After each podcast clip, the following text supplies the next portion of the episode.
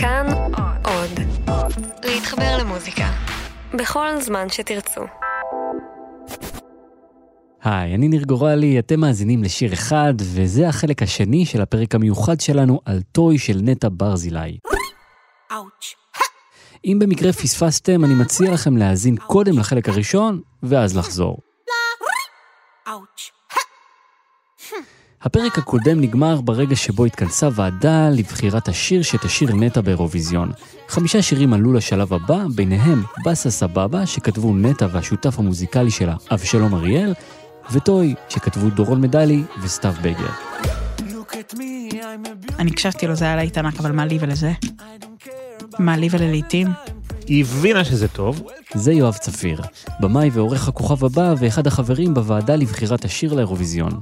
אני כל הזמן אמרתי לה, נטע, תדמייני שאת לוקחת את השיר אלייך. וזה מה שהם עשו. השלב הבא היה לקחת את כל אחד מהשירים שנבחרו ולהקליט אותם בקול של נטע, ובעצם לתת לה הזדמנות למצוא בהם את החיבור שלה. נטע ואבשלום הגיעו לאולפן של סתיו בחדרה. גם דורון היה שם. וכאן מגיעים אה, שני אנשים שהפוטנציאל לפיצוץ הוא אדיר. כי הם יכולים לבוא ולרצות לשנות כל דבר שעשינו, מצד שני, הוועדה בחרה מה שעשינו, כי זה טוב. אז רק צריך למצוא איך נטע משתלבת בתוך הדבר הזה. ואם צריך לשנות משהו, אז לשנות, אבל לשנות אותו ביחד. זה ההצעה של אה, יואב. יואב, הוא אמר, בואו תפגשו את דורון, וזה, יהיה לכם נורא כיף לפגוש את דורון, בן אדם מדהים. זה אבשלום אריאל, המנהל המוזיקלי של נטע עוד מימי הכוכב הבא. אז uh, הלכנו ועשינו את הסשן הזה, ובאנו עם המון התנגדויות. היה לנו מאוד מאוד מאוד מאוד קשה.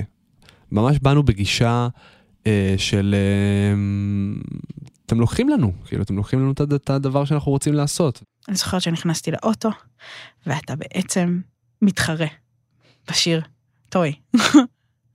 ו- וזו סיטואציה קשה, סיטואציה קשה. ואני זוכרת שטוי הכניס אותי, אה, אה, סליחה, דורון הכניס אותי לאוטו. אמר לי, אני מזמין אותך להצטרף אליי לשחייה שלנו באירוויזיון. אני כבר עשר שנים חולם על איך אנחנו מנצחים באירוויזיון. ומה תגיד לבן אדם כזה? שכאילו זה, שהכל, באמת, כשהוא אמר, כאילו, נקלעה לסיטואציה, זה היה כל כך מדויק, ואנשים לא באמת הבינו את זה. היה פה תהליך עבודה מאוד מאוד מאוד אינטנסיבי, בדירה קטנה בחדרה מול הים. היה שם הרבה מאוד לחץ, אבל אה, גם ידענו לעשות את זה באהבה. תחשוב רגע על, על הסיטואציה, היא הזויה, ארבעה אנשים יושבים בדירה אה, עם עוד מתווך, וצריכים לצאת עם הסכם שלום. אני הייתי הביל קלינטון שצריך אה, לעמוד בין שני הניצים, הצדדים הניציים. לא רבנו על שום דבר, אבל היה הרבה מאוד לחץ, הרבה מאוד מתח, אז כשנטע ניגשה למיקרופון בפעם הראשונה, הם לא ידעו מה יקרה. Look at me, I'm a beautiful creature. I don't care about your modern time preachers. Welcome boys to much noise. ויש משהו מאוד אמוציונלי גם בלא לרצות לשיר, גם בלהיות מבולבל. זה סתיו בייגר. חצי מהטייקים שירה שיש בשיר זה דברים שאני שרתי מה, מההקלטה הראשונה של נטע. המון המון מהאנרגיה היה נכון מההתחלה כי... כי היה שם איזשהו משהו, כאילו הייתה התרגשות. You're stupid just like you're smart? Phone. יש משהו אמיתי שקורה, יש אנרגיה מטורפת. I'm not your toy. You stupid boy. לאט לאט נטע השתחררה והתחילה להביא דברים מעצמה. מה שעושים בסיטואציות האלה זה שפשוט מזינים את נטע בהמון אינפורמציה וכאילו לוחצים פליי והיא מתחילה, היא עוברת לאיזה, לתדר אחר לא הגיוני, לא שכלתני, של פשוט קשקושיאדה שיוצאת לה מהפה עד שיוצא משהו. לא אתה יודע, את אני לא בובה, את- סטופד בוי.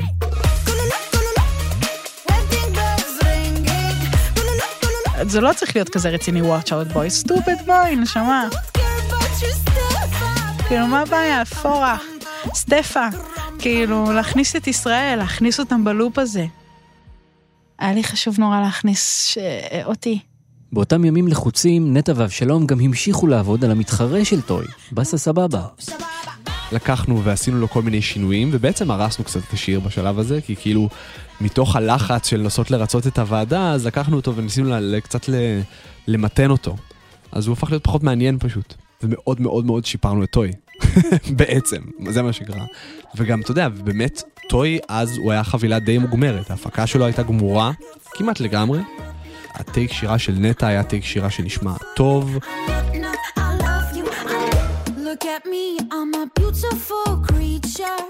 וככה חמש סקיצות חדשות הגיעו לוועדה, שמתכנסת שוב לבחור סופית את השיר שייצג אותנו באירוויזיון. אחרי הסקיצה זה היה די ברור שזה זה. זה אביעד רוזנבוים, יושב ראש הוועדה. אני לא יודע אם דיברנו על זכייה, אבל היה ברור שזה שיר שיכול להגיע מאוד מאוד רחוק. הלוא אנחנו באים לנצח את האירוויזיון, ויש הזדמנות אחת, ו- וזה צריך להיות השיר. בקו הגמר כבר היה ברור שזה טוי, לא, לא הייתה שאלה. הוועדה בוחרת פה אחד. השיר שייצג אותנו באירוויזיון יהיה טוי. עכשיו רק צריך לבשר לנטע. יואו, היה בכי. היה בכי שהוא היה בכי של כל מיני דברים. אני יושבת מול 13 אנשים בוועדה ובוכה. אתה יושב מול אנשים שפשוט החליטו עבורך. נורא מצחיק, השיר הוא, השיר הוא Not Your Toy. אבל uh, זה כאילו, בנקודה הזאת זה הרגיש ההפך. זה היה לה מאוד מאוד קשה, אני חושב שגם נטע היא בן אדם כנראה הכי דרמטי שאני מכיר by far, כאילו בפער, בפער מטורף, וכשהיא לא מרוצה ממשהו זה סוף העולם. אה, אין משא ומתן, אתה, אתה כמובן מכיל את זה, ויש איזה שיח ויש איזו התמודדות אה, אישית שלה עם הדבר הזה, אבל אין אפשרות למשא ומתן. אני גם לא חושב שצריכה להיות, כי זמר, יש לו גם דברים אחרים שהוא חושב עליהם, ויש לו רצונות ויש לו מחשבות על הלאה, ואני חושב שיש בזה משהו טוב של אנשי מקצוע שיושבים ויודעים את העבודה, ועושים בחירה. זה היה בכי של... אני הבנתי באותה שנייה שהולך לקרות לי הפיצוץ הכי גדול אי פעם בחיים. במכה. ושלא תהיה לי שליטה על זה. זה נורא קשה. נורא קשה אה, אה, אה, להבין שהדבר המטורף הזה הולך, הולך לקרות. ו- ואין לזה, אה, אין, אין, אין לזה שליטה, אין. אני גם מאוד התאכזבתי, בעיקר כי שנינו ראינו איזה פתח, כמו, ש, כמו מה שעשינו בכוכב הבא, שהבאנו מאוד מאוד את עצמנו ואת הקונספטים שלנו על מוזיקה ואת ה, הכיפיות שלנו ואת, ה, ואת הניסיוניות של, של מה שאנחנו עושים. חשבתי שזה יהיה מטורף להביא את זה גם לאירוויזיון, כאילו, כל הזמן התגאינו בזה. שאנחנו מחליטים ואנחנו התעקשנו ונלחמנו ונלחמנו באמת באופן מאוד מאוד uh, מחויב. נלחמנו בטירוף כדי, כדי לעשות את מה שאנ... רק את מה שאנחנו רוצים ורק את מה שאנחנו מאמינים בו. Uh, אז, אז זה פוגע שאומרים לך לא ואין לך בכלל בחירה. נותרו רק כמה ימים בודדים לסיים את השיר. אבל נטע ואבשלום לא מוותרים על ההזדמנות להפוך את השיר לעוד קצת שלהם. הבנו שאנחנו צריכים איזה סשן שלנו.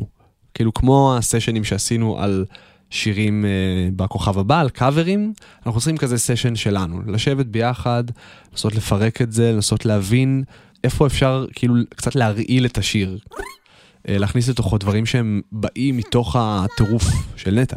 לסתיו קצת היה קשה. כאילו, כי מה, השיר עובד. השיר עובד, בשביל מה צריך את הפתיחה המוזרה הזאת? אני מאמין במוזרות. אמרתי, וואלה, הדבר הזה, אני שומע אותו בהתחלה, הוא גורם לי לעקם פרצוף, זה מעולה. עכשיו, משהו שגורם לך לעקם פרצוף, אתה זוכר אותו, לטוב או לרע. בעצם מהרצף הזה, הזה של הסאונדים נהיה גם איזה סוג של סיפור. ואז על גבי הדבר הזה, נוסף גם עוד סאונד שפתאום בעצם היה בשיר אה, פרזה מלודית שהלכה.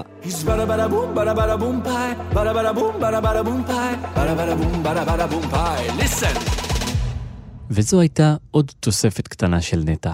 כשדורון כתב את זה, בדה בדה בום, בדה בדה בום ביי, והוא בעצם אמר לי, אני מקווה שלא אכפת לך, אבל לקחתי את כמה כמה רוק, כמה כמה רוד בוי, אמ, אה, מרוד בוי, שאת עשית, וחשבתי שזה היה גאוני, והכנסתי את זה בשיר.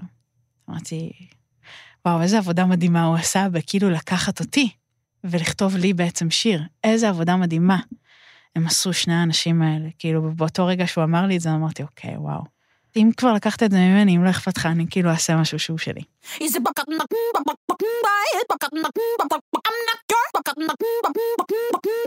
I'm not וכולם פשוט סובבו עליה הראש ואמרו לה, כאילו, תקשיבי, זה, זה, זה הדבר, עכשיו להקליט.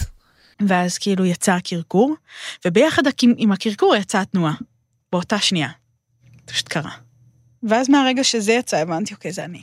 דורון אמר, אבל זה חייב להיות עם התנועה. כאילו, התנועה היא... בל... זה בלתי אפשרי בלי התנועה. בשבילנו זה היה סאונד מופשט. אבל דורון כאילו נתן לזה את המיתוג, הוא נתן לזה את הכותרת, הוא נתן לזה את, ה... את השם שיכול להפוך את זה להמוני, כאילו. את העטיפה. ואז אתה יכול להחליט, או שאני עף על זה, או שאני שונא את זה, אבל כאילו אין באמצע. אז פתאום קלטנו כמה משמעויות יש לדבר הזה לתרנגול. כמה משמעויות יש לו שהוא באמת הוא צ'יקן והוא פחדן והוא מבלבל את השכל ואחרי שהשיר יצא גילו לנו שבאקה ביפנית זה סטופד בוי. את שאר העיבוד משלים סתיו לבדו. זה להקליט אה, נגנים, כל הפארט היותר אוריינטלי בבית השני שמגיע. מה קולולוי. במקרה הזה בעיקר אה, קלידים אה, של מהעולם הים תיכוני כאילו שהרגיש לי שזה מאוד מאוד מביא את ישראל ואני גם נורא אוהב לשלב סאונדים שהם מידליסטים בהפקות פופ.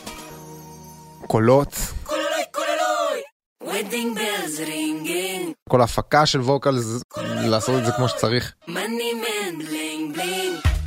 יש פה חגיגה אמיתית של אתה עושה משהו, שני אנשים עושים סקיצה מטורפת, ואז מגיעים עוד שניים, נטע ואבשלום, ומצטרפים אלינו לחגיגה, וככה נוצר להיט פופ, אם אני חושב על זה, בדיוק כמו שמוריי ורביי השוודים והאמריקאים אה, לימדו אותי.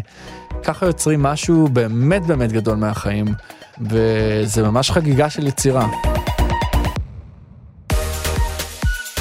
במקביל, כל המנגנון של אחורי הקלעים ממשיך לעבוד. מצלמים קליפ ומתכננים את החשיפה הרשמית של השיר. יואב צפיר, שפיקח על הכל, לקח לו כמה ימים לנקות את הראש לפני הבליץ התקשורתי הצפוי. השיר היה אמור לצאת ביום ראשון בערב. אה, אני נסעתי ללונדון לכמה ימים, סוף סוף היה לי חופש, ובבוקר כבר כותבים לי, השיר הודלף. אמרתי, אוקיי, לא נורא, זה, בוא נחסום, וזה, מילא. התעצבנו שהשיר הודלף. כי רצינו שהשיר והקליפ יצאו ביחד, אבל השיר הבס... באודיו הודלף. נחתתי בלונדון, פותח 100 הודעות, רואה את הצ'ארט של ההימורים, אנחנו מקום שלישי בהימורים. אחרי חצי שעה עלינו למקום הראשון, ומאז נשארנו במקום הראשון עד האירוויזיון, בהימורים. וכשהקליפ יצא זה רק ההפרש עלה. מכיוון שזה היה מאוד מאוד בחוץ שאני נושא הדגל של מחשבה בוראת מציאות ושל מילים אה, צריכות להיאמר אז אה, שום דבר אותי לא הפתיע אלא אני ידעתי שאנחנו אה, נוציא את השיר נהיה מיד במקום הראשון בהימורים ונזכה באירוויזיון וכאילו באיזה דיבוק כזה לא הח- החלטתי שזה הדבר אני אומר אותו בקול רם ולא מתבייש בו. חלק מהאנשים הסכימו לזרום איתי עם התחזית הזאת וחלק אה, עדיין לא האמינו שדבר כזה יכול לקרות היו תגובות קשות נגד, בין הישראלים היו תגובות אה, חלקן קשות. זה לא שיר, לא לוקחים את זה ברצינות, מה זה, מה זה התרנגולת הזה, מה זה הקרקורים האלה. שיר גרוע, אתה יכול לחפש הרבה תגובות כאלה בפייסבוק. רק לי אישית בפייסבוק, המון אנשים כתבו, זה לא שיר ראוי, תתביישו לכם, אה, מקום אחרון, לא עולה לגמר, המון תגובות כאלה קיבלנו. זה היה נורא מצחיק, זה היה כמו בתחילת הכוכב, oh my god, אני אוהב את זה, oh my god, אני שונא את זה, כאילו, כזה, זה, אני אוהבת אומנות שמעוררת באנשים אה, כן ולא. אנחנו מאוד אוהבים לשנוא, עד, ש... עד שאחרים אוהבים. בזמן שהעולם מתאהב במוזרה עם ה looper, המשלחת הישראלית מתכוננת בהתרגשות לטיסה. אמרו לי, יש איזה הרמת כוסית אצל תמירה ירדני בבית, ונמצאים שם יואב, סיוון ותמירה. ותמירה מגישה לנו אלכוהול וזה, והכל נורא מגניב. אז אני מסתכלת על יואב ואני אומרת לו, oh my god, אתה הולך לספר לי משהו ממש נוראי. אז הוא אומר לי, שבי. כזה, לא. לא, לא, לא, לא, לא, לא, לא, לא, ואז אני יושבת ואני לא יודעת מה, אני לא ידעתי מה לדמיין, ואז הוא אומר לי, את לא תוכלי להופיע עם ה looper באירוויזיון. צריך להבין, הלופר שקנתה בגיל 18 היה יותר מסתם כלי נגינה עבור נטע. הוא היה חלק מההגדרה העצמית שלה. הסטארט-אפ שעזר לה להוציא את עצמה לעולם. ואז מה שקורה זה שאני באותה שנייה, אני לוקחת שלוק מטורף מה... כאילו מסיימת את הכוס, זה היה איזה ליקר, כאילו עוד עמוס אלכוהול ברמות. שתיתי את כל הכוס בבום. אני כזה, רגע, זה לקח לי איזה רבע שעה של שתיקה. התחלתי לבכות כמובן, אמרתי לא, ואמרתי אין סיכוי ואין מצב שזה קורה. אבל לאירוויזיון יש חוקים. מותר רק לשיר. על הבמה לא מנגנים, הכל זה פלייבק. אז לדורון היה רעיון, בואו נעשה looper בכאילו. אנחנו בעצם עשינו אה, looper בלייב עם הזמרים ועם נטע, ובשביל ה show היה צריך ללחוץ על כפתורים, זה לעשות את הפעולה, אבל אה, היא לא מחוברת לחשמל. אז בנינו סופר לופר של אורות. הייתה פה השקעה בתפאורה שבעצם מעולם לא היה ב- לשיר ישראלים. ולמרות הרעיון היצירתי של דורון, גם כשהגיעו לפורטוגל, דברים המשיכו להשתבש. אתה עולה על הבמה, אתה עושה את זה, אתה רואה את החזרת מצלמות, אתה נחרד. הכוריאוגרפית לא נסעה איתנו, וקיבלנו מידות לא נכונות של הבמה, והתאורה שם לא הייתה טובה, והכל כאילו היה, הכל הלך נגדנו. ואם זה לא מספיק, כמה ימים לפני התחרות, פתאום עולה איום ממקום לא צפוי. החזרה הראשונה הייתה איומה בלי קשר, והיה היה פשוט הצוות הבימוי הפורטוגלי לא עשה מה שרצינו, והיינו מאוד לא מרוצים, ו... ואז אה, דורון ואני עלינו במקרה לצוות התאורה, לתת לו הערות. ואז בדיוק כשהגענו, עלתה אלני לחזרה.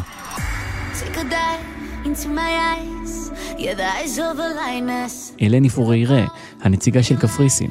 ודורון ואני הסתכלנו אחד לשני ואמרנו, או-או, יש פה מישהי ממש חזקה. כי כל השאר הנאמברים אני ראיתי ואמרתי, אני לא חושב שיש לנו מתחרה, וכשהיא עלתה לבמה אמרתי, אוקיי, יש פה, יש פה תחרות. ובאמת, אה, לאט לאט עברו הימים, ואחרי שבוע של חזרות, שבוע לפני הגמר, היא עלתה למקום הראשון בהימורים, ואנחנו מקום שני. לא התעסקתי בזה. לא יכולתי להרשות לעצמי. אני, גם, בוא, גם שחי... מה זה שחייה? זה באמת לא משנה. מי לוקח מקום ראשון או שני, זה מגוחך. זה מגוחך. כל מה שעשיתי היה לגמד, גימדתי את מה שזה. כל מה שעשיתי היה, אה, שטויות, אני נוסעת לעבוד. קראתי לזה עבודה. וגם לכל המשפחה שלי וכל החברים שלי, את כולם תדרכתי, זאת עבודה. ואימא שלי בערב הגמר כותבת לי, נטע, הכנתי לך שניצלים, כשתחזרי מהעבודה תאכלי אותם. ובחדר חיכו לי שניצלים. ב-12 במאי מגיע ערב הגמר. בשעה תשע מתחילה התחרות, Welcome to the grand final of the Eurovision Song Contest 2018! לקראת 11, נטע עולה לבמה.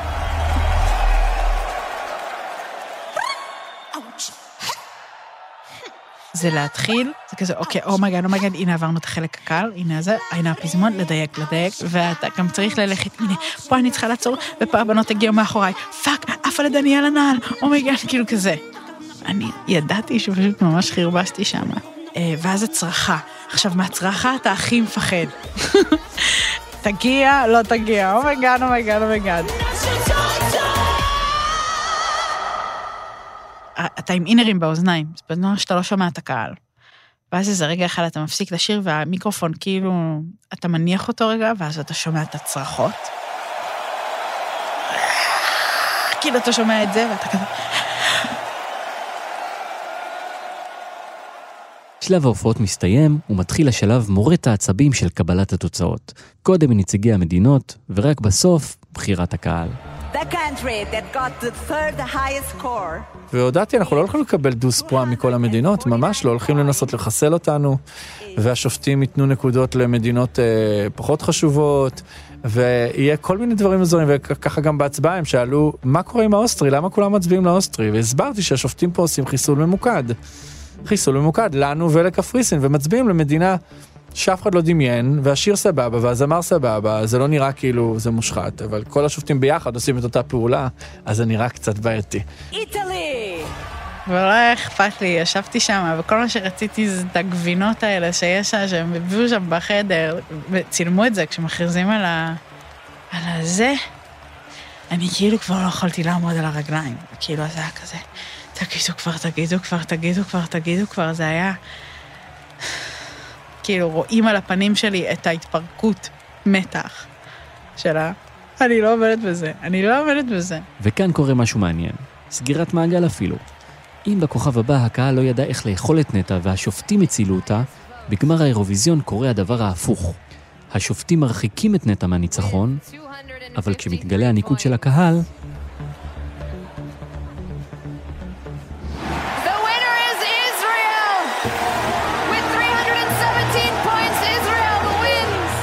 ואז אנחנו זוכים, אז גם צריך להפיק את השחייה. אי אפשר עכשיו לשבת, אף אחד לא בא לקחת אותך.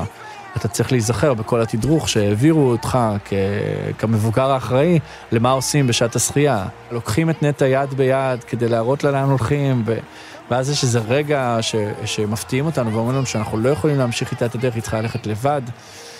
רואים אותנו כזה מאוד מבוהלים, כי היא עם עקבים וזה מדרגות, והיא כבר נפלה פעם אחת במדרגות בחזרה הגנרלית וזה. פשוט לשלח אותה, יש הרבה מאוד לחץ מהדבר הזה, אתה ממש כמו, כמו הורה. נטע בת 25, זוכה באירוויזיון, אתה יודע. זה כמו שהבית שלך נשרף, אתה צריך להיכנס הביתה ולהציל כל מיני דברים. כאילו, אוקיי, יש מצב חירום, אני הולך, אני נכנס, אני מביא את האלבום, אני מציל את הכלב, אני ככה, אני מתקשר אליו. זה מה שקרה. אני צריכה לעלות על הבמה, אני צריכה להגיד כאילו דברים חשובים שלא חשבתי שאני אגיד אי פעם, ever. אה, אני צריכה לשיר, אני צריכה לנסות לדייק, תוך כדי התרגשות מטורפת של מה שהיה רחוק מלקרות. אה, כאילו אמרתי, איזה מזל שאימא שלי לא פה, כי הייתי מתחילה לבכות, כאילו, כזה.